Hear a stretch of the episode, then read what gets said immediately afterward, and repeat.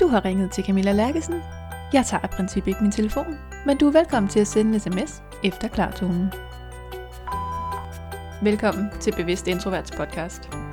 Jeg hedder Camilla, og i den her podcastserie har jeg inviteret en række introverte danskere til at dele deres livserfaringer på godt og ondt. Velkommen til. Skru op for de stille stemmer.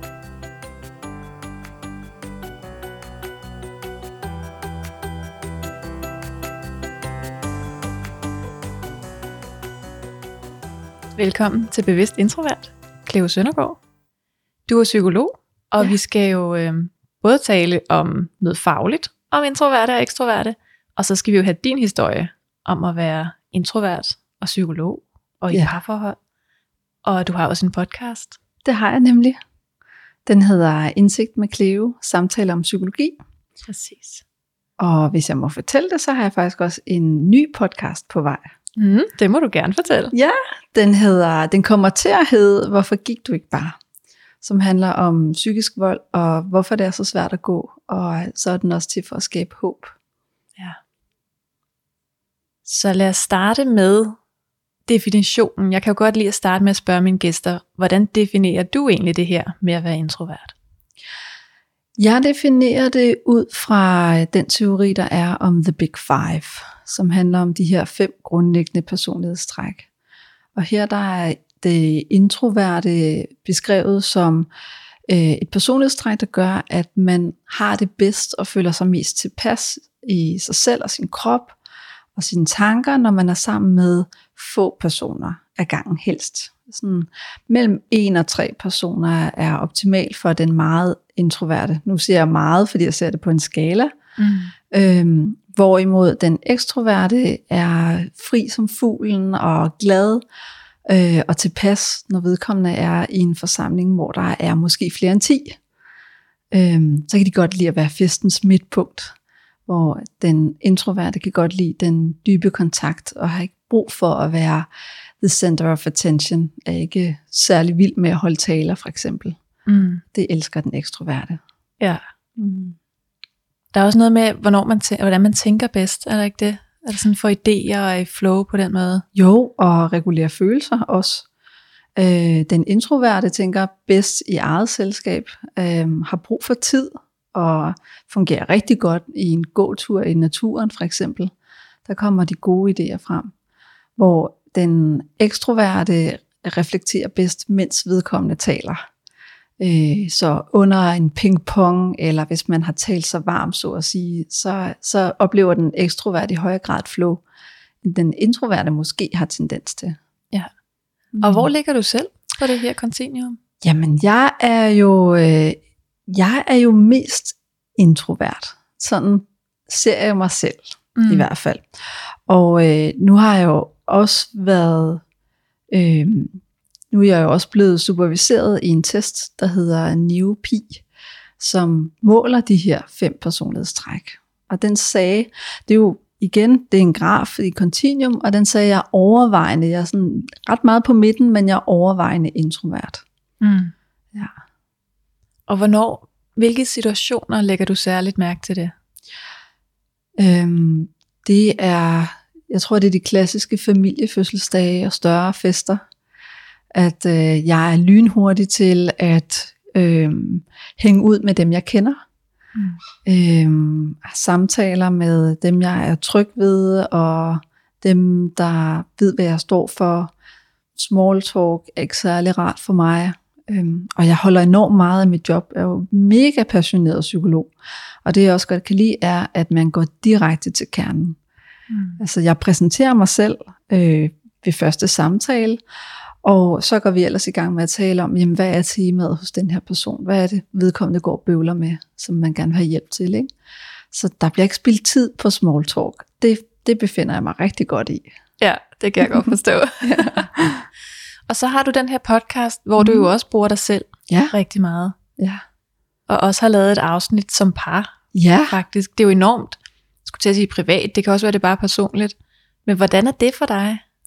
Det var, det var fedt, og det var udviklende, og det er jo vores fælles veninde Charlotte Har Hese, der opfordrede mig til det. Øhm, Jeg tror, at min største udfordring i forbindelse med det, det er det her med, at man kan jo ikke rigtig fange stemningen. Det var det, jeg godt kunne tænke mig. Man kan ikke rigtig fange stemningen. Og, øh, og så var det også udfordrende i forhold til, jamen, hvor meget, hvor lidt må jeg fortælle? Mm. Og hvor meget lidt har min mand lyst til, at jeg skal fortælle videre ud i en podcast. Så der var jo en god lille parforholdssamtale der, hvor vi forventningsamstævnte der. Ja. ja. Og det kommer vi helt sikkert til lige at runde igen, det mm. her med mm. også, hvordan man er i et parforhold. Ja. Men der er jo rigtig mange, når jeg taler introverte og ekstroverte, der sådan kigger tilbage på barndommen og ser, hvilken rolle havde jeg der. Ja. Hvem var du, da du var ung og barn?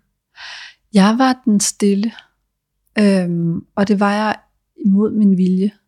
Der var et rigtig dårligt klima i min klasse, og det var lidt, det var lidt på tur, hvem der skulle blive mobbet og holdt udenfor. Og jeg var en af dem, som blev mobbet i en årrække. Øhm, så der lærte jeg at indrette mig i, en, en flok og overleve. Så jeg var langt mere stille, end jeg havde lyst til. Ja. ja. Og hvordan brød du med det? Det brød naturligt op, da jeg startede på et gymnasie, hvor jeg vidste, at de andre ikke ville starte. Ja. ja. Og det her med, at vi lever i sådan meget ekstrovert ideal, er det mm. noget, du kan genkende? Ja, det kan jeg godt. Især i forretningsverdenen og karriereverdenen. Altså bare når du skal søge job, så skal du jo gerne understrege alle de gode ting, du har levet. Og du skal være udadvendt og smilende og have oprejst panden til en jobsamtale. Og du skal give et godt indtryk af, at her er der en, et, et socialt menneske, mm. som ikke er bange for at lægge fingrene imellem og prale lidt. Det tror jeg er svært for mange introverte. Det er ja. i hvert fald mit indtryk. Ja. Hvordan mm. har du det selv på den front? I forhold til en jobsamtale? Ja, i forhold til at prale lidt og...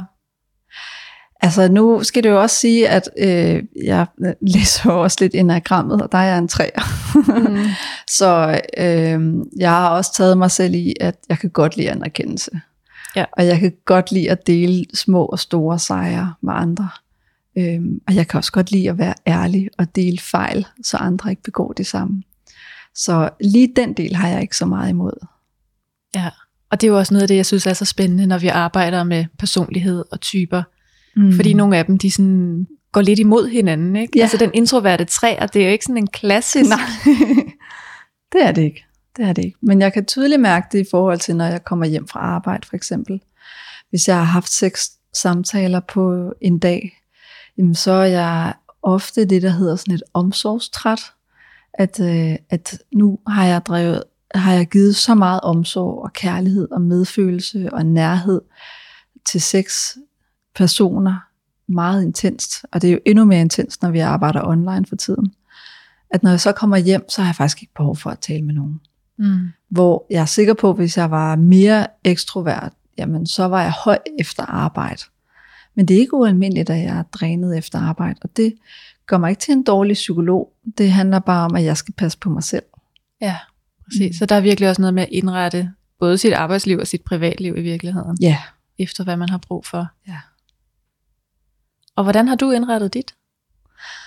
Jamen, jeg sørger for at holde pause mellem hver session.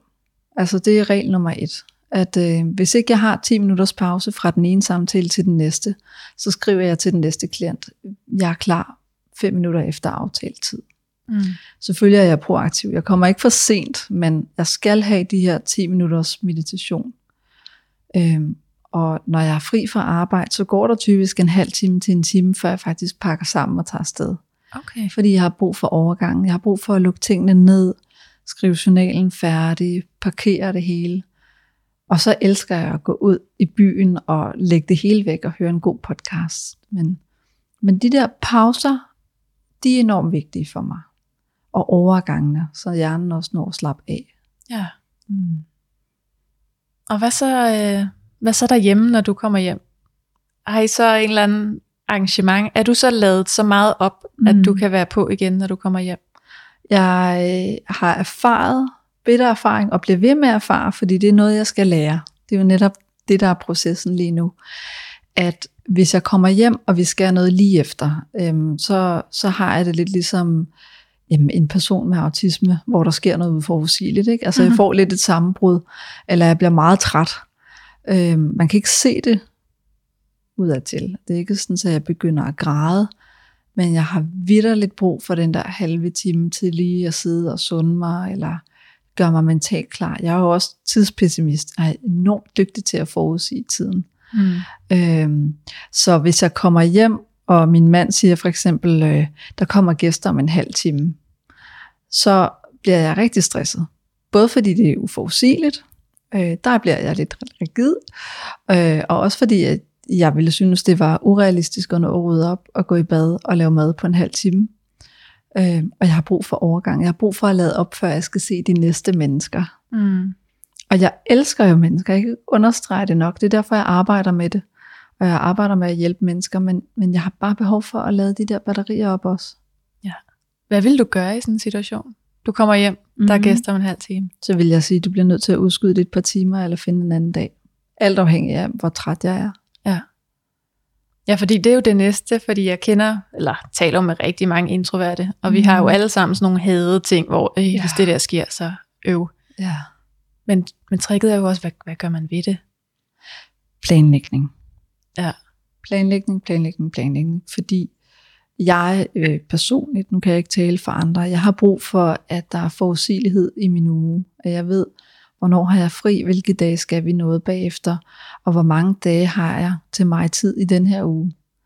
Altså hvis jeg kigger hen over min, min kalender, nu har jeg sådan en, en ugekalender, hvor jeg kan se fra mandag til søndag øh, på to af fire sider. Hvis jeg kigger hen over den og ser, at der er en aften, hvor jeg ikke har mig tid, eller hvor jeg ikke skal gå til noget efter arbejde, øh, så, så er der helt automatisk en af tingene, der bliver aflyst, fordi jeg er træt. Og jeg vil bare gerne være alene. Om det så er at gå tur eller se Netflix, det skal bare ske. Mm. Øhm, så, så det er også et udviklingspunkt, mig og min mand har, det her med at sige, vi bliver nødt til at lave en dag en gang imellem, hvor vi sidder og synkroniserer kalendere, og beslutter os for, hvornår vi skal lave hvilke aftaler. Fordi det der med, at der lige popper en aftale op, eller min tid bliver taget lidt som gisseldagen før, det har jeg meget svært ved. Mm. Og min mand er jo omvendt rigtig, rigtig fleksibel. Han, er, han siger, han er introvert. Øhm, fordi han, han føler sig også træt, når han har været sammen med andre. Men til gengæld så er han meget mere udadvendt end mig. Og han er meget mere energisk end mig. Øh, og ekstremt omstillingsparat. Så han synes jo også, at jeg er lidt rigid. Mm. Så der har vi ligesom noget, vi kæmper med. Ikke? At, at han bliver enormt drænet, men også sådan lidt nervøs, når han tænker, åh, nu har jeg lavet en lækker plan, eller en lækker aftale, som hun bliver glad for, åh, hvordan tager hun det nu, når der er kort varsel. Ja. ja. Ja, det er selvfølgelig også svært. Hvordan laver man lige en uh, romantisk overraskelse? Præcis. Hvis den anden ikke synes, ja. overraskelse er fed. Ja, ja, lige præcis. Altså, jeg, jeg elsker overraskelser, hvis det er noget, der er rart, hvor jeg ikke skal præstere, hvor, hvor tingene er sørget for. Mm. Øhm, men, men en overraskelse med, nu skal vi lige møde nogle mennesker, du aldrig har mødt før, det vil gå over i, i stresszonen. Ikke? Ja. Det er noget andet at blive overrasket med en eller anden fødselsdagsbrunch med dem, jeg kender rigtig godt. Det vil være en rar overraskelse. Ja, helt mm. klart. Tror du, man har flere eller større udfordringer, hvis man er en af hver i et parforhold? Altså en ekstrovert og en introvert? Jeg tror i hvert fald, at man skal lave noget fodarbejde øh, i forhold til forventningsafstemning.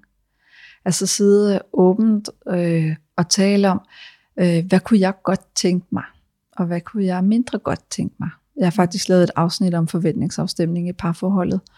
Og der er det det her med, hvor mange penge har du lyst til, at vi bruger på at tage ud og spise? Og hvor mange penge har jeg lyst til, at vi bruger. Hvor mange dates skal vi lave i løbet af en måned? Øhm, hvor ofte skal vi se hinandens venner? Øhm, er der nogle venner, du ikke bryder dig om, som vi skal skrue lidt ned for, eller om jeg bare skal se alene? Og omvendt. Jeg tror, det er, det er en sindssygt god investering at tage det her op i starten af et parforhold, eller forholdsvis tidligt, hvis man kan. Mm. Øhm, fordi ellers så kommer man til at støde hovederne sammen igen og igen, og når det, når det bliver ved over tid, så har det det med at vokse og blive et irritationsmoment. Ja. Mm. Og hvis man nu er lidt konfliktsky, og synes, den er lidt svær, så synes jeg endnu mere, at man skal lave forventningsafstemning, fordi så forebygger man konflikter. Men ja, jeg, jeg kæmper selv med den, fordi lige pludselig så står man i en situation, hvor man skal sætte grænser, Ja. og det er ikke rart for en introvert, der er konfliktsky også. Nej, præcis. Mm. Den er virkelig svær. ja. Altså mit gennemgående råd til alle par, uanset hvem man er, vil også være at have et ritual, der hedder, når man skal tale om noget, der er svært, men som betyder meget for en. At man så har et sprog for, eller et signal til, at jeg har brug for at dele noget med dig. Mm. At man simpelthen afsætter tid til, hey, vi skal dele noget sammen i aften. Lad os gøre det efter aftensmad. Og så er den anden ligesom, den, har, den anden har fået et cue til, okay, nu skal jeg lige åbne mine ører, åbne mit hjerte og lade den anden tale ud, fordi der er noget, der er svært at sige, der skal siges. Og så sætter man sig foran hinanden, og den, der har noget på hjertet, skal så kunne dele det, der foregår, uden at den anden bliver afbrudt. Eller uden at man bliver afbrudt af den anden. Ja. Ja. Hvor god tid skal man give sådan en cue? Det kan jo også, der er jo nogen, der bliver helt paniske allerede det, og de hører den der, we need to talk. Selvom det ikke er det, der bliver sagt, så, så er det det, de hører. Hvis de er sådan, de har det, så skal det måske være en fem minutter før, eller et eller andet. Men, men man må også gerne sige, jeg vil, jeg vil gerne dele noget, der er svært for mig at sige, men det er altså ikke en kritik af dig. Altså, det er jo ikke fordi, der skal være, der skal være hemmelighedskrammerier, fordi der er jo heller ikke noget stressende omvendt, end at høre, øhm, vi skal snakke sammen. Ja, det er jo det. Og så ikke andet. Ikke? Fordi specielt introverte har behov for at få at vide, hvad er agenda, hvad er ærnet, Ja. hvad er temaet, hvad skal jeg forberede mig på. Ja. Og det er helt okay. Men det at have en boble, hvor man sidder sammen, kigger hinanden dybt i øjnene, og kan få lov til at tale frit i et langsomt tempo, det gør altså underværker. Mm. Fordi de fleste, der er et parforhold, de taler jo meget i en dialog. Og det er super fint, men som introvert skal man have lov til at kunne give sig god tid og vælge sine ord med omhu. Ja, det er jo netop det. Mm. Og så synes jeg, du sagde noget meget interessant, det her med, at din mand opfatter i hvert fald sig selv som introvert, Ja, men hvor du opfatter ham som i hvert fald mere ekstrovert, end du er. det gør jeg. Ja. Hvordan, hvis man nu er i tvivl, hvor man ligger henne, hvad er det, man skal kigge efter? Jamen, øh, man skal kigge efter, om man bliver hovedsageligt drænet, eller man får energi af at være sammen med flere mennesker. Om man synes, det er spændende og interessant, og man bliver nysgerrig ved tanken om at møde nye mennesker, eller om det mærkes mere som en pligt, eller noget, man skal hen over, en, en byrde, eller en pille, der skal sluges. Mm. Øh, så det er energien efter social kontakt, men det er også, hvordan vi, vi anser eller øh, forventer social kontakt på forhånd. Øhm, men min mand for eksempel, han, han fortæller, at han bliver forholdsvis mest drænet af at være sammen øh, socialt, og han helt klart bedst er one-on-one. Øhm, og at store fester, det ikke er ham, så gemmer han sig bag sit kamera og er dagens fotograf, fordi så har han noget at snakke med folk om. Mm. Ja, Smart. men omvendt så er han jo udadvendt. Ja. Altså han er super god til at smalltalke, og jeg kender ikke nogen mand, som giver flere komplimenter og smiler til børn og driller børn, som han gør. Øhm, Så, så på den måde ser jeg ham som noget mere udadvendt ja. end mig selv. Og det er også sådan en tilbagevendende, Ja, ja. tilbagevendende spørgsmål, som jeg hører meget. Er introvert og indadvendt og ekstrovert og udadvendt mm. de samme, altså i par? Hvis vi øh, kigger i, i øh, håndbøgerne i social psykologi og personlighedspsykologi, så vil svaret være nej umiddelbart. Mm. Øh, fordi indadvendt og udadvendt, indadvendt handler om, at man er øh, forholdsvis genert, eller at man holder kortene tæt til krop- kroppen, at man ikke deler så meget ud af sig selv, men at man er mere reserveret.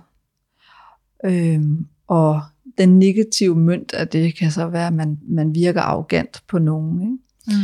Hvor udadvendt handler om, at man deler rigtig meget ud af sig selv, og man smiler og griner, og man har et tydeligt kropssprog. Man er ikke i tvivl om, hvor man har den anden, og, og vedkommende taler måske også højt, øh, og, og lægger ikke fingrene imellem i forhold til at, at, at dele private ting om sig selv. Øh, what you see is what you get, kunne man sige. Ikke? Øh, og, og bagsiden af at være udadvendt kunne også være, at der er nogen, der tænker, at man er for meget mm. omvendt. Ikke?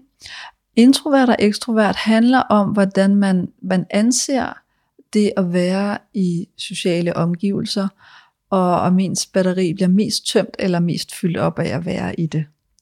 Så man kan sagtens være en udadvendt introvert, men jeg tror, at den introvert er noget mere udadvendt, hvis vedkommende er sammen med 1-4 mennesker, end hvis vedkommende er sammen med 50 mennesker. Ja. Hvor den ekstroverte er måske noget mere udadvendt øh, i en større forsamling, hvor man kan shine mere øh, end den dybe, det, dybe en-til-en samtale. Fordi bagsiden af at være ekstrovert er også, at de er ikke nær så gode i gåsøjne til de helt dybe og svære eksistentielle emner. Mm. Øhm, det er meget, altså hvis man er meget ekstrovert, nu skal jeg passe på, hvad jeg siger, men hvis man er meget ekstrovert, og så ligger på 100% på skalaen, øhm, så, så er det rarest at køre de her øh, lækre emner, og se hvad jeg kan, og du er også en fed person, og så videre. Så det kan for den introverte virke lidt som smart i en typen mm. hvor de lidt mangler den dybe side, der tør tale om det eksistentielle i livet, og, og de vigtige og smertefulde emner også. Ja. Mm. Hvor ligger du så i forhold til at være indadvendt eller udadvendt? Jeg er forholdsvis udadvendt. Øhm, og det er jeg, fordi jeg, ja, som jeg også nævnte i starten, altså jeg har jo øh, udviklet en overlevelsesmekanisme i min barndom, som gjorde, at jeg skulle pakke mig selv meget ind. Og øh, det tog jeg et valg om i 9. klasse, det gad jeg aldrig mere. Mm. Og så tog jeg et valg om det igen, efter jeg havde arbejdet i psykiatrien i nogle år. Øhm, fordi der kan der i nogle afdelinger, nogen mere end andre, nu har jeg arbejdet forskellige steder, men der er der også et hierarki, hvor at øh, du skal kende din plads, og du skal tale, når du bliver spurgt under en konference for eksempel. Øh, så der havde jeg ligesom en anden revolution, hvor jeg tænkte, nu kan det fandme være nok. Nu vil jeg øh, tage de initiativer, jeg har lyst til. Jeg vil lave podcast, jeg vil undervise, jeg vil bruge alle mine kræfter et sted, hvor de bliver sat pris på. Mm. Og så bliver jeg selvstændig. Og når man er selvstændig, så kræver det altså også, at man er lidt udadvendt. Fordi ellers så kan man ikke lave kunder. Du skal lave annoncer, du skal lave videoer, du skal skrive blog. Så du skal give noget af dig selv. Og det fik jeg lige pludselig luft og lov til. Så jeg har aldrig været gladere, end siden jeg blev selvstændig ja. og gift med min mand. Ja. Mm. Og hvilke, hvis der nu kunne være nogle udfordringer i forhold til at være introvert? Jeg tror, hvis jeg skal tale fra mit eget mhm. perspektiv mm. og mit eget liv, så synes jeg, det er en udfordring at være i sociale øh, omgivelser, hvor at man er lidt ærgerlig eller sur på sig selv over, at man ikke er det, man har lyst til at være. Ja, prøv at sige lidt mere om det. Jamen, hvis man for eksempel er tilbageholdende, eller man begynder at få lidt meget selvfokus. Og selvfokus, der mener jeg, man begynder også at monitorere ens indre processer. Ikke? Og man bliver bevidst om, at åh oh, nej, nu er jeg lidt nervøs, og jeg er ikke helt tilpas, og åh oh, nej, nu får jeg tanker om, de kan lide mig, om de taler om mig. Og de her lidt ængstlige tanker. Hvis man begynder at få nogle tanker om, hvad synes andre om mig, og er min mimik helt glad nok, mm. eller virker jeg lidt for, øh, lidt for tilbagelænet, eller virker jeg lidt for privat nu, i forhold til hvad jeg i virkeligheden er. Også hvis man er sammen med meget udadvendte mennesker, ikke? Altså bliver ja. man lige pludselig den, der er mest stille i flokken.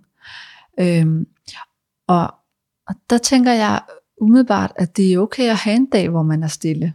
Men problemet opstår, hvis vi begynder at skille os selv ud for, at vi har er stille i dag, eller vi er svære at læse. Den her indre monolog, man kan have om sig selv, hvor vi begynder at dømme os selv. Ja. Metatankerne. Det er for mig noget af det mest udfordrende. Men nu er jeg nået så langt, at jeg tænker, jamen, nå, så er det bare sådan en dag, jeg har i dag. Altså jeg stopper ligesom min indre skæld ud, min, mine selvkritiske tanker. Fordi jeg ser det ikke som et problem at være introvert, men jeg ser det først som et problem, hvis vi begynder at skille os selv ud for at være det. Ja, ej, det kan jeg godt genkende det der. Mm. Når jeg står sammen med nogle meget udadvendte, meget festlige typer, Ja. og jeg står sådan helt kontrast, Ja. og tænker, nej, hvor må de synes, det er mærkeligt, at jeg ikke kan, kan komme op med samme begejstring, Ja. som der ellers lever i rummet. Præcis. Og hvor må de synes, at det egentlig er, jeg kommer til at tænke, de må synes, jeg er mega kedelig. Ja. Eller sådan øh, downer type. Jeg bliver lidt, lidt trodsig, sådan at, ej, jeg gider sgu ikke, hvis de skal tale så hurtigt, så, så er jeg bare stille, fordi jeg gider ikke afbryde fem gange i minuttet, Ja, for at kunne komme til ord. ja sådan bliver jeg også. Ja. Jeg har også taget mig selv i nogle gange at stå, hvis det er nogle af de der, sådan, der taler rigtig meget, og afbryder rigtig meget, Mm. og i øvrigt slet ikke spørger ind. Der kan jeg godt tage mig selv i at stå og tænke, det er sjovt. Altså, nu står, står jeg her, og har altid følt mig som den, der var socialt handicappet. Ja. Ja. Men det der faktisk være. Ja, fordi at du er irriterende lige nu. Ja, fordi jeg tænkte, det, er- det er sådan helt uden Ja. empati. Ja. Så det er bare, jeg kan ikke lade være med at tænke, at tit så bliver det der med det introverte, det at være stille, det at trække mm. sig, Mm. det bliver set som meget dysfunktionelt. Ja. Men i virkeligheden, så synes jeg jo det at afbryde og slet ikke lytte og have fokus på sig selv, det er lige så dysfunktionelt. Ja, Øh, meget socialt handicappende, fordi at de andre føler sig tilsidesat. Ikke? Og, og der tænker jeg også, at det handler om mere end bare introvert-ekstrovert, fordi at hvis man taler meget, man er meget afbrydende, og man vil gerne vil være i fokus hele tiden, eller at man er bange for ikke at blive hørt nok, øh, så handler det lige så meget om talepres, hyperaktivitet, øh, nedsat empati, og det skal lige siges, nedsat empati betyder ikke, at man er ond. Øh, folk med autisme har også nedsat empati.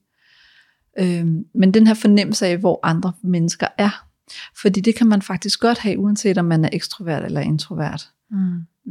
Hvad hedder det? Niveauet af, af empati og social intelligens øh, handler om noget helt andet. Men det handler om, hvor man henter sin energi.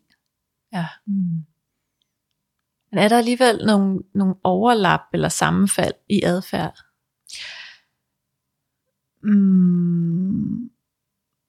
I forhold til at have talepres eller empati? Når jeg tænker, der er nogle af de her klassiske træk, der bliver forbundet med at være introvert og ekstrovert, som ikke nødvendigvis handler om at Mm. lade op, men netop det der med at være stille eller Ja. talende. Eller... Jeg tror, hvis vi skal drage nogle paralleller over i, øh, i diagnostiseringsverdenen eller i diagnoserne, øh, fordi at her, øh, hvis man har en diagnose, så er det jo en samling af symptomer, som går ud over bare at være personlighedstræk. Men der er så mange træk, og de er så ekstreme i et mønster, så vedkommende har en lidelse. De er forpinte af det. Ikke? Øh, så man kan sige, at det er en overdrivelse af personlighedstrækkene. Der er visse personlighedstræk, der er samlet øh, i en bestemt sammensætning i en ekstrem grad. Ja. Øh, så kan vi jo lave et overlap til for eksempel autisme. Øh, fordi hvis de er meget presset, øh, eller der er for mange forandringer, eller der stilles for høje krav, så bliver de jo introverte i gåsøjne i en grad, hvor de gemmer sig under bordet. Fordi de har brug for at skærme sig. De har brug for at regulere deres følelser der. Mm. Øh, og hvis der er noget, der går dem på, øh, så bærer de også nag i langt længere tid end os normale gåsøjne Mm. øh, mennesker, at de, øh, de grubler rigtig meget over, hvad der er blevet sagt og gjort, men de, de, er, de har rigtig svært ved at sige det til andre. Øh, så man kan sige, på den måde er, har introvert, den introverte del nogle fællestræk med autismen, øh, men faktisk også øh, depression, angst, øh, skizofreni, fordi at i de diagnoser, der har man også tendens til at isolere sig, men, men bare i en grad, hvor det også bliver ekstremt, ikke? at man bliver bange for omgivelserne, eller hvad andre tænker, eller man som den deprimerede øh, bliver selvudslættende, og det bliver præget af håbløshed, eller at man inden for det psykotiske spektrum, skizofrenien, at man er mistroisk over for andre, og man simpelthen isolerer sig, fordi man egentlig er bange for virkeligheden, og det, der er udenfor. Ikke? Ja. Så der kan man sige, det er, det er jo så en ekstrem grad, der er forårsaget af en, en tilstand i deres tilværelse, som gør, at de har fået en diagnose på et tidspunkt i deres liv, Ja. som de forhåbentlig kommer ud af igen. Ikke? Hvor hvis vi snakker over i den ekstreme ekstroverte, og så laver nogle paralleller til diagnoser der, altså nogle ekstreme ekstroverte, så kunne det for eksempel være den narcissistiske personlighedsstruktur. Ikke? Altså, fordi der elsker man virkelig at være festens midtpunkt, og man overdriver sin historie, og man kan altid linke til en eller anden minde, de har haft, øh, hvor de fløj helikopter over Grand Canyon, og de gør alt for at, at virke spændende. Ikke? Og det er meget sjældent, de gør noget godt for andre mennesker, med mindre at der er nogen, der ser det. Mm. Så deres gerninger afhænger af, om der er nogen, der ser det, og giver dem anerkendelse og ros for det. Så, så de feeder nemlig på social kontakt. Ja. De har virkelig brug for at være festens midtpunkt og blive set og hørt af alle. Så det er sådan, det kan man sige, det, det er den ekstreme ekstroverte, der er derovre. Ja, det giver Øhm, mening. Eller øh, hvis man har mani i en, manisk periode, ikke, så bliver man jo også ekstremt talende. Øh, og måske er det lidt usammenhængende. Og man vil enormt gerne lave relationer til alle mulige mennesker, og man skal pludselig ud og rejse og købe hus og så videre. Det er jo også, altså hvor at den, den ekstroverte virkelig er blevet skruet op. Så er man bipolar, kan man sige, så svinger man jo reelt set mellem at have nogle uger eller måneder, hvor man er meget introvert og indelukket, depressiv, og nogle uger eller måneder, hvor man er meget udadvendt, meget ekstrovert og meget manisk. Ja. Mm. Ja, og det er ret interessant at se dem skruet helt op på den måde der. Ja. Men jeg synes stadig, det er ret interessant, at jeg synes tit, så, når vi taler om introverte, så møder vi de der, Mm. er du sikker på, at der ikke er noget galt? ja, Og det, det møder jeg ikke så meget, når vi taler om ekstroverte. det er rigtigt.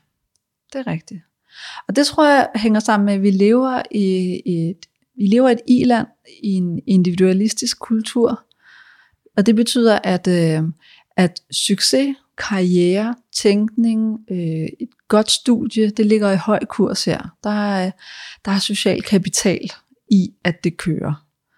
Øhm, og du må rigtig gerne skille dig ud. Altså det er det, jeg mener med den individualistiske kultur, hvor i, i kollektive øh, eller kollektivistiske kulturer i Østen, så afhænger din identitet og din, din sociale kapital af, hvilken familie du er en del af, hvilken gruppe du er en del af, og om du kan passe godt ind i en, i en bestemt virksomhed eksempelvis. Ikke? Mm.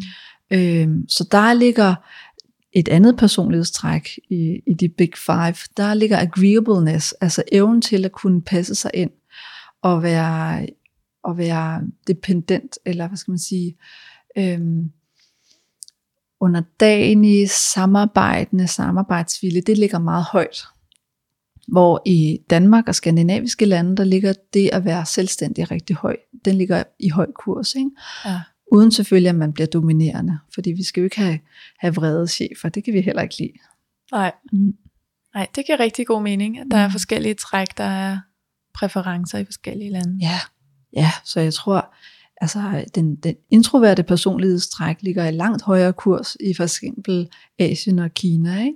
hvor Ja. man ikke skal gøre meget væsen af sig. Altså, eksempelvis hvis du øh, skriver artikler, det, nu handler det selvfølgelig også om politik, ikke? men hvis du skriver for ærlige artikler, så kan du også ende i fængsel.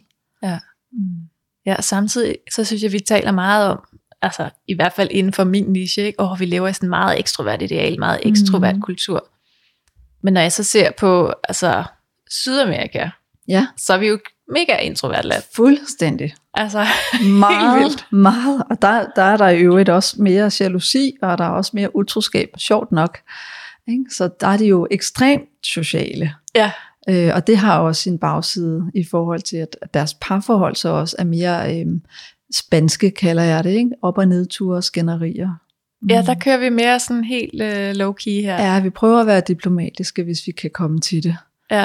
Ja. Jeg synes virkelig, det var, da jeg var i Cuba, det var, Mm. øh, helt særlig oplevelse, og jeg kunne slet ikke komme mig over, det står her stadig helt tydeligt for mig, at der ikke var nogen, der brugte ringeklokker. At man bare stillede sig neden for vinduet og råbte. Så der var Ja. nogen, der reagerede. Det var lige meget, hvilket tidspunkt på døgnet det var. Det var wow. bare ligesom sådan, man gjorde. Ja. Det kunne jeg slet ikke fatte. Så hele nabolaget skal se, at man, man er der. Ja, præcis. Og så er det så den, der skal have besøg, som lige skal lægge mærke til det. Ja, Ja. Hmm. Det var helt øh, specielt. Det ville man aldrig gøre herhjemme. Så skriver man helt diskret, eller ringer, eller siger, jeg er her nu. Ja, præcis. For ellers så tror man, man er fuld på gaden, og politiet kommer og Ja. ja. spørger, hvorfor man laver spektakel på gaden. Ja. Mm. Så øhm, hvis vi skal prøve at kigge lidt på det der med, jeg kunne jo vildt godt tænke mig en eller anden form for ligestilling mellem introvert og ekstrovert. Mm. Hvad, hvad tænker du der? Er der ligestilling? Kan man få en form for ligestilling?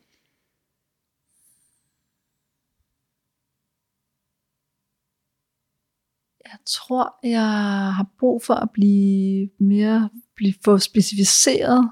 Kan du give nogle eksempler på sådan områder, hvor du tænker, der er mindre ligestilling? Eller?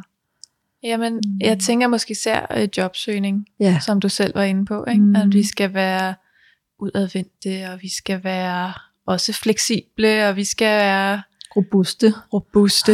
ja, præcis. Ja. Og jeg tænker, i dag, der vil det være helt politisk ukorrekt at sige, at en mand ikke kunne gå på barsel. Mm. Altså det må vi ikke sige mere. Det har vi ligesom fået slået fast, at det er upassende Mm. og gammeldags. Mm. Mm. Men det er på ingen måde upassende at sige, at en introvert vil være en dårlig sælger. Mm. Eller at en introvert nok ikke skal undervise. Jamen, jeg sidder nemlig også og tænker på, at det kommer jo an på jobbet. Mm. Øh, og jeg, jeg tror, det er ret svært at lave om, at nogle, nogle jobs kræver, eller at i hvert fald, at man har nemmere ved nogle ting end, end ved andre. Så jeg tror desværre også, det handler om at, at prøve at gøre det så let for en selv som muligt. Altså jeg vil, øh, jeg vil dø, hvis jeg skulle undervise hver dag, for eksempel. Derfor er jeg aldrig blevet lærer. Det ville dræne mig. Mm. Øhm, og det er også det, jeg tænker i forhold til personlighedstestning, at vi kan jo godt de samme ting. Men nogle ting kræver bare mere energi at gøre end andre. Nogle ting skal vi, øh, skal vi lære op fra og ned og have undervisning i, hvor andre ting falder os naturligt. Så hvis du er introvert, øh, så har du nemmere ved at være i et introvert job. Og du vil måske også være dygtigere end en ekstrovert, der vil blive frustreret og kede sig, eller øhm, have svært ved at koncentrere sig alene, for eksempel. Ikke? Ja. Øh, så der vil den ekstroverte opleve udfordringer i, i stedet.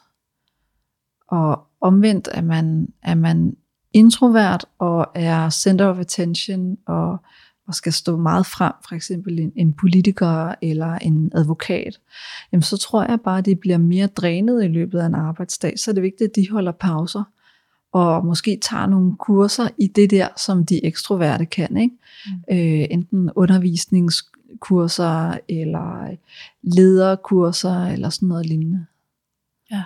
Men, men jeg tror, når det gælder personlighedstræk og øh, jobkriterier, arbejdsopgaver, så er det ret svært at lave det om. Fordi altså for det første er det meget, meget svært, hvis ikke umuligt at lave vores grundlæggende personlighedstræk om. Ja. Det er jo kun åbenhed, som faktisk ændrer sig en lille smule gennem livet, men ellers så, så er vi, som vi er. Og omvendt, vi kan heller ikke rigtig lave opgaverne om i visse jobs, medmindre vi selvfølgelig bliver selvstændige og selv beslutter for, hvad vi vil lave, så er der jo altid nogen, der beslutter, hvad vi skal lave. Men vi kan selvfølgelig forhandle os frem til nogle ting, tænker jeg, i forhold til, hvis du har behov for en pause, hvis du har behov for en gåtur, hvis du har behov for at arbejde hjemme, så gør, hvad du kan for at, det forha- for at få det forhandlet hjem, tænker jeg. Ja, ja, det kunne man helt klart gøre. Mm. Er du nogensinde landet i sådan en job, hvor det bare slet ikke matchede dit behov, eller sådan energiniveau, eller? Og ja, Ja. det er jeg. Øhm, fordi som sagt er jeg jo en træer, og jeg er udadvendt. Øh, så jeg har landet i jobs, øh, hvor at jeg havde gejst og interesse i at lave noget undervisning og højne niveauet, det faglige niveau. øh, både i det monofaglige blandt psykologer, men også blandt andre faggrupper, pædagoger og sygeplejersker, øh, hvor der ikke var plads til det. Øhm, I forhold til at være introvert, er jeg faktisk ikke blevet så udfordret på det, fordi jeg tror, der er en, en forståelse blandt psykologer, at vi skal passe på os selv, så at sige. Mm. Ja. Altså, det er jo en meget humanistisk kultur. Godt nok er vi samfundsfaglige, men, men øh, der er en forståelse for, at nu skal du huske at holde pauser, og du skal være øh, omsorgsfuld med dig selv. Du skal give dig selv self-compassion. Du skal ikke arbejde for lang tid. Øh, du skal meditere. Du skal lave yoga. Alle de her ting, som, som jeg tror mange introverte og ekstroverte også kan have brug for. Ja. Mm. Giver det mening? ja, det giver mening. Okay. Helt klart. Jeg tænker, øh, hvis vi skal sådan runde af, så er jeg nysgerrig på, hvad er det vigtigste at tage med videre, når man nu interesserer sig for introverte, måske især hvis man sidder derude og føler sig lidt klemt. Mm. Hvad kan man gøre, eller hvad kan man huske på? Jeg tror, det er vigtigt, at hvis man befinder sig i situationer, hvor man kommer til i sin indre monolog at skille sig selv ud over at være den, man nu er, eller være træt, eller have brug for forudsigelighed, øhm, så tror jeg, det er rigtig, rigtig vigtigt at møde sig selv, som var man sin bedste ven.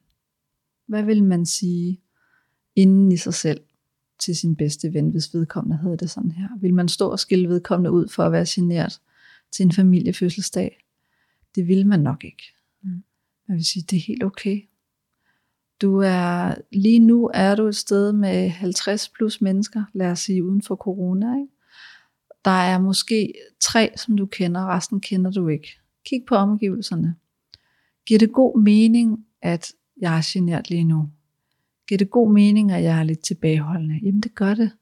Det gør det, fordi jeg er ikke, jeg er ikke på hjemmebane her. Øhm, fordi så kan man også sige til sig selv, det er faktisk helt okay, at jeg er genert lige nu, eller jeg er lidt nervøs indeni, eller jeg bliver lidt genert, eller får ubehag. Øh, det er helt okay, fordi når jeg kigger på konteksten, så giver det god mening. Mm. Og jeg vil aldrig skælde min bedste ven ud, for at være genert. Øhm, så hellere være mild og kærlig mod sig selv, og, og sige til sig selv, det, det er hårdt det her lige nu, men vi kommer igennem det. Vi skal nok komme igennem det og få det bedste ud af det. Ja. Og så ret fokus ud på de ydre omgivelser. Lige sluk det der rampelys, der er på ens indre processer og metatanker om sig selv, og så lige sanse i stedet for, hvad er det, jeg ser, hvad er det, jeg hører, hvad taler de om? Øhm, Vend tilbage til nuet. Ja. Fordi problemet er ikke, om vi er mest ekstrovert eller introvert. Problemet er den indre selvkritiker, der går og evaluerer på os selv. Fordi den ekstroverte sidder også i situationer, hvor de dunker sig selv oven i hovedet. Øhm, hvis de ligger i den ekstreme ende af skalaen. Ligesom de introverte på deres ekstreme ende af skalaen. Og så en lille bisætning, Mm. øh, som jeg synes er meget overset. Det er, at øh, langt, langt de fleste er jo faktisk ambiverte. Ja. Det er vi ikke kommet ind på, men, men det, er jo, det er jo det her med, at øh, omkring 70-80% af befolkningen er det, man kalder ambiverte. Ligesom at 10% er måske introverte, altså rene introverte, ikke? og 10% er mere rene ekstroverte. Øh, og dem midt imellem i den store majoritet, de er jo ambiverte. Så bare lige for at nuancere det, så kan vi jo godt have dage, hvor at vi er udadvendte, og det hele kører, og, og vi pingponger med alt og alle, selvom vi er introverte. Ikke? Og andre dage, så har vi ikke fået søvn og mad nok, og så bliver vi mega generte, selvom vi ellers for det meste er ekstroverte. Jamen, så er det fordi, man er ambivert. Ja. Mm. Men hvis der er et gennemgående mønster, øh, så er der nok stor sandsynlighed for, at man er mest ekstrovert eller mest introvert. Og hvis man gerne vil have det afklaret, så kan man jo tage en personlighedstest. Ja. Mm. Og man kan vel også være ambivert, men på den introverte eller ekstroverte Ja. side. Lige præcis. Det skal nemlig ses på en skala. Mm. Øhm, den øh, personlighedstest, jeg nævnte tidligere, der indgår de her fem træk jo på et kontinuum. Hvis man forestiller sig en graf, der går op og ned, øh, så, går, så kan ekstrovert gå meget op, eller den kan gå meget ned i introvert. Ligesom øh, openness kan gå meget op, men det kan også gå meget ned i forhold til at være meget konservativ eller lukket. Ja. Mm. Så det er, det er sådan på en, på en skala fra, fra 0 til 100, ikke? hvor at, at lige i midten og til fra, fra midten på 50 til måske øh, 10 og til 90 på den anden side, i den midte, der ligger de ambiverte. Men alt er på en skala. Det er ikke enten eller. Det er ikke sådan, at befolkningen er 50-50. Tværtimod. Tværtimod. Det, ja. det er meget mere nuanceret end det. Øhm, og det kommer også an på, hvad man ellers har i sin personlighed. Ikke? Om man er meget samarbejdsvillig, eller man er meget selvstændig, om man er meget åben for nye oplevelser, og kunst og musik, eller man godt kan lide, at dagene ligner hinanden, og man helst er derhjemme, øhm, eller om, om man er meget, og man hviler rigtig godt i sig selv, og man har jorden placeret godt i mulden og er rolig, eller at man har mange emotionelle udsving, og man er mere neurotisk, så at sige. Ikke? Ja. Det er jo blandt andet også de her personlighedstræk, der er i den test. Øh, og det kan jo godt lyde som noget introvert-ekstrovert, men det er faktisk fem specifikke adskilte personlighedstræk. Det er, det, som, det er de fem, som vi kan kode ned til. Hvis vi skal tælle til færrest grundlæggende personlighedstræk, så er det dem. Ja, og jeg tror også, det er det, der er med til at forvirre nogle gange, når man yes. ikke kan lure, hvad man er. Ja. Fordi der er nogle af de her sådan, klassiske forestillinger, man er introvert, typisk er ikke så åben, og mm. er måske lidt neurotisk, eller ja, der er alle de her forestillinger om, hvordan en introvert er. Så folk bliver enormt forvirret, mm. når du er introvert, men meget åben, meget nysgerrig. Præcis. Præcis. Det er slet ikke så simpelt. Og det er også derfor, jeg, jeg prøver så vidt muligt at kode det ned til, hvor får du din energi fra, og mm. hvor mange mennesker har du optimalt lyst til at være sammen med. Ja.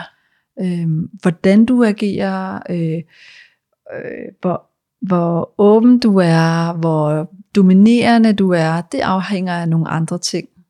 Øh, men afhænger sørme også af, om, om du kender dem godt eller ej, når vi snakker om introvert-ekstrovert. Præcis. Mm. Og så en anden ting, vi ikke lige noget ja. omkring, det er jo også introverte styrker. Ja. Hvor er det, introverte har nogle helt særlige styrker, for eksempel på arbejdsmarkedet? Jamen, uh, introverte psykologer, de har det jo som, som fisk i havet, eller hvad det hedder, ikke? Øhm, fordi styrkerne er især det her med den dybe refleksion. At tale om det, der har betydning, om det, der har vægt. Øhm, ikke at tale for lang tid om øst og vest, fordi lad os nu lige være lidt, lidt effektive. Øhm, og meget forskning tyder også på, at, at hvis man er introvert, så er man også bedre til problemløsning, fordi at man har en tendens til at kunne forudse, hvornår problemerne kan komme. Mm. Øh, bagsiden af den mønt er selvfølgelig, at man kan være meget nervøs og se problemer overalt, eller man, man på dårlige dage i underskud kan gå over og blive ængstelig og få social angst, hvis det bliver rigtig slemt. Ja. Øh, men, men problemløsning, dyb refleksion, og så også det her med at kunne øh, regulere følelser og reflektere i sit eget selskab. Det er jo også en force. Øh, I parforhold for eksempel, hvis man er ekstrovert, så har man det jo bedst med at regulere følelser sammen med den anden. Ikke? Man skal ligesom ud, man skal have afladet følelserne, man skal skille den anden ud, eller man skal græde foran den anden. Øh, og det kan jo også være en ulempe, fordi det kan blive meget krævende for partneren. Ikke? Så der er bestemt mange fordele ved at være introvert. De ekstroverte larmer bare mere i vores samfund og i medierne. Ja, præcis. Ja. Jeg synes jo også, især corona har vist, altså hvor mange, ja, jeg har virkelig, at der er ikke noget morsomt over corona, men der er noget ironisk ved, at vi netop har sagt det her med, at du skal være robust. Ja. Og så kom corona, og så lad os se, hvem der er robuste nu. Mm. Fordi introverte, de klarer det bare på et, med en helt anden ro og ja. robusthed. Fordi, okay, jeg skal være hjemme, fint. Mm. Okay, jeg skal være sammen med få, fint. Ja. I'm good. Ja. Hvor ekstroverte, de er pludselig ikke så robuste i den verden, der er opstået. Og det kan jeg mærke i min praksis. Det ja. kan jeg virkelig. Øhm, dem, der er vant til at være sammen med mange mennesker og have friheden, og selvfølgelig især dem, der er single, som ikke har andre at være sammen med, som ikke har deres familie at være sammen med, øh, de er dem, der har tendens til at være mest intro, øh, ekstroverte, de har det rigtig, rigtig hårdt nu. Ja. Altså, de går ned med depression nu, og lukker sig inde på den dårlige måde, og, og synes, at det hele er meningsløst og tomt, og hvornår skal de få børn, og Ja. Deres venner vil dem ikke, fordi deres venner har jo familie. Ikke? Så det bliver meget, meget sort, hvor at den, den introverte er bedre til ligesom at lave en struktur for hverdagen nu, og komme ud af døren og få gået de der ture, og få hørt noget podcast. De, er- de er mere, jeg ser i hvert fald et mønster i, at, at de, er, de er bedre til at strukturere en hverdag, hvor de yder omsorg for dem selv Mm. hvor den ekstroverte, de ekstroverte klienter, jeg har, de bliver rigtig frustrerede og føler sig enormt indskrænket. Øhm, Og når man bliver meget frustreret over ting, man ikke kan lide, så bliver man jo også øh, ofte bitter. Ja. Ikke? ja. Dermed ikke sagt, at alle introverte synes, det er fedt, at der er Overhovedet nedlukning. ikke. Og, Overhovedet og måske især ikke dem, der bor øh, på meget få kvadratmeter med en stor familie. De er heller ikke så robuste. Men, men jeg sidder med de ekstroverte, som har fået et nedbrud Ja, præcis. i dag på grund af, af lockdown. Præcis. Ja. Så det er jo bare meget interessant, at der er mange sider af den der robusthed. Helt klart. Helt klart. Og, Og det kommer bestemt også an på, om man har venner i forvejen, og om man har en familie og kæreste, Ja. eller om man bor alene. Fordi jeg tror stort set alle, som øh, ikke har en kæreste, er single, er ved at være rigtig, rigtig, rigtig trætte, deprimerede, øh, udmattet af corona, uanset om man er introvert eller ekstrovert. Ja. Fordi der er også grænser for, hvor meget isolation, der er godt for mennesker. Ja, lige præcis. Uanset hvor Ja. man ligger. Ja. Man har jo lavet noget, hvad vi kan kalde det lidt uetisk forskning, dengang man måtte det i 70'erne og i 60'erne, hvor man øh, lukkede mennesker ind i et mørkt kammer, altså uden vinduer, uden noget som helst, uden ur. Øh, deprivationskammer kan man også kalde det. Og det eneste, de fik adgang til, det var toilet og mad. Altså det, de skulle bruge. Øh, og man fandt ud af, at, at efter en to-tre dage, altså selvfølgelig er det jo ikke yogier, og folk, der er vant til at meditere flere dage i træk, men, men man fandt ud af, at efter en bare to-tre dage, så begyndte de at udvikle depressive symptomer. Mm. Og efter 10 dage, så begynder man at blive psykotisk. Så der er bestemt også grænser for, hvor, øh, hvor meget vi kan tåle at være understimuleret. Ja, præcis. Nu er det selvfølgelig ikke et depressionskammer, øh, men vi har i hvert fald fået halveret vores stimuli udefra Ja. i forhold til normalen. Og det har været vildt interessant at se også, altså at finde de der grænser, ikke? At Mm. ekstrovertet, også som troede, de skulle meget ud, ikke? For Ja. en stund lige så, wow, det giver faktisk rigtig meget at være bare her Ja. med mit nærvær og min familie. Ja. Og introverte som mig, der sagde, altså da corona startede, jeg tænkte, ok, I've Ja. been training for this for years. Ja, præcis. Og alligevel kunne jeg godt mærke, okay, Mm. det her er faktisk ikke rart. Ja. Det, der var min grænse. Nu begynder jeg at kede mig. Nu vil jeg gerne ud og bevæge mig. Nu vil jeg gerne opleve noget. Ja, Mm, det kan jeg godt genkende. meget spændende Ja. socialt eksperiment, vi Ja. er i gang i her. Helt vildt. Selvom jeg er introvert, så kan jeg godt mærke, hvor meget jeg sætter pris på, når der er fysiske møder. Når jeg møder mine klienter og mærker deres energi. Ja. Går ind i kontakten. Øh, og hvor høj jeg plejer at være det. Øh, især hvis jeg ikke har for mange klienter på en dag. I forhold til nu, hvor jeg sidder på en computer og har dem på afstand. Jeg kan mærke den fysiske kontakt. Ja. Og så bliver det faktisk endnu mere drænende for mig som, som introvert, fordi jeg kommer på overarbejde når jeg kan mærke dybden og kontakten lige så godt. Så nåede vi meget godt omkring. Tak fordi du var med, Cleo. Selv tak, det var en fornøjelse. Det var det, mega spændende. Det er sjældent, jeg taler om min introverte side. Jeg tror, at de færreste ved det, fordi jeg er så udadvendt. Ja, Mm. jeg elsker, når vi får de der introverte sider frem, Ja. for at se, hvordan de også kan se ud. ja, præcis. Ja, så tak for det. Velkommen.